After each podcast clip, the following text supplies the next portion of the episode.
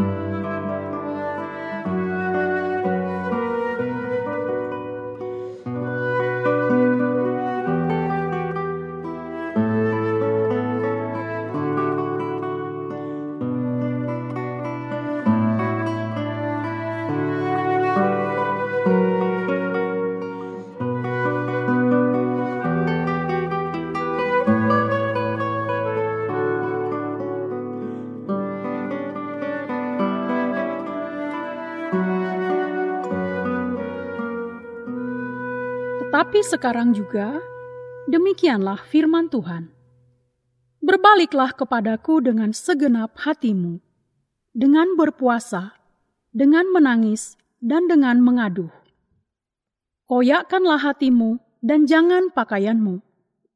Berbaliklah kepada Tuhan Allahmu, sebab ia pengasih dan penyayang, panjang sabar dan berlimpah kasih setia, dan ia menyesal karena hukumannya.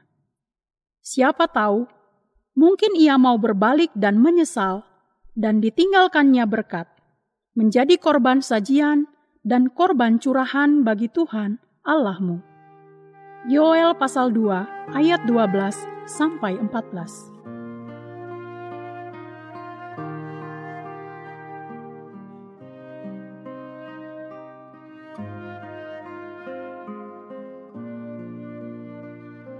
Pertobatan yang sejati akan membuahkan pemulihan dalam kehidupan kita. Apabila wujud dari pertobatan yang sejati adalah merendahkan hati di dalam penyesalan di hadapan Tuhan, serta diikuti dengan tindakan berbalik dari kehidupan yang jahat, maka tidak demikian halnya dengan pertobatan yang semu. Pertobatan yang palsu hanyalah sekadar ungkapan penyesalan yang tidak sungguh-sungguh bersumber dari lubuk hati yang dalam dan tidak diwujudkan di dalam langkah meninggalkan perbuatan dosa. Oleh karena itu, apabila pertobatan yang semu akan diabaikan oleh Tuhan, maka pertobatan yang sejati akan ditanggapinya dengan memulihkan kehidupan kita. Panggilan kepada pertobatan yang sejati inilah yang dikemukakan Allah di dalam Yoel pasal 2. Melalui Nabi Yoel, ia menyampaikan kepada umatnya agar mereka berbalik dengan segenap hati kepadanya, mengoyak hati, dan bukan sekadar mengoyak pakaian, serta merendahkan hati dengan menangis dan berpuasa.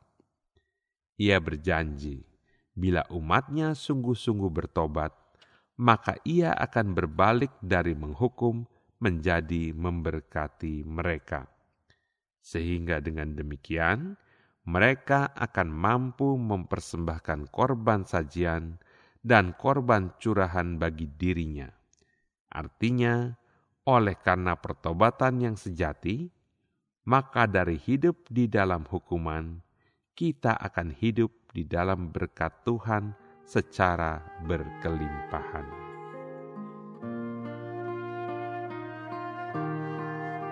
Adakah pertobatan yang semu yang harus Anda tinggalkan dari dalam hidup Anda?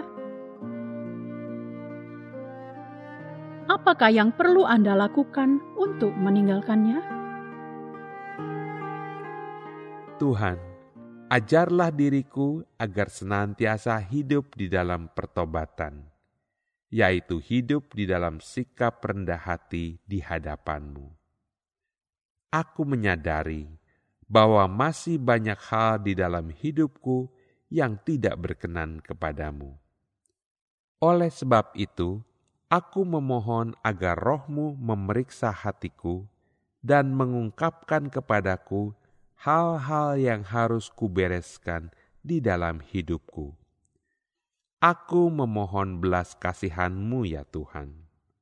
Ampunilah aku atas ketidaktaatanku terhadap firmanmu luruskanlah hatiku, agar hidupku merupakan persembahan yang berkenan kepadamu.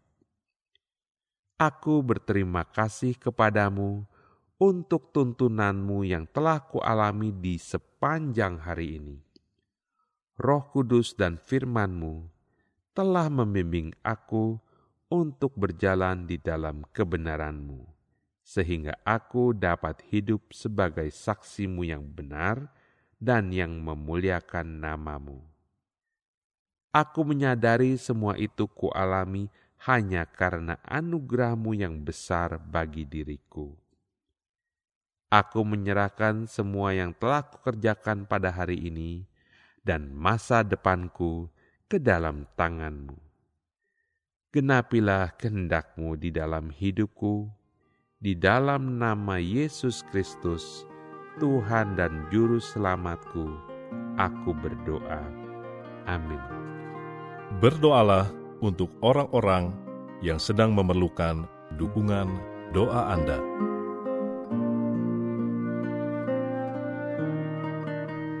Mari meneduhkan hati di hadapan Tuhan.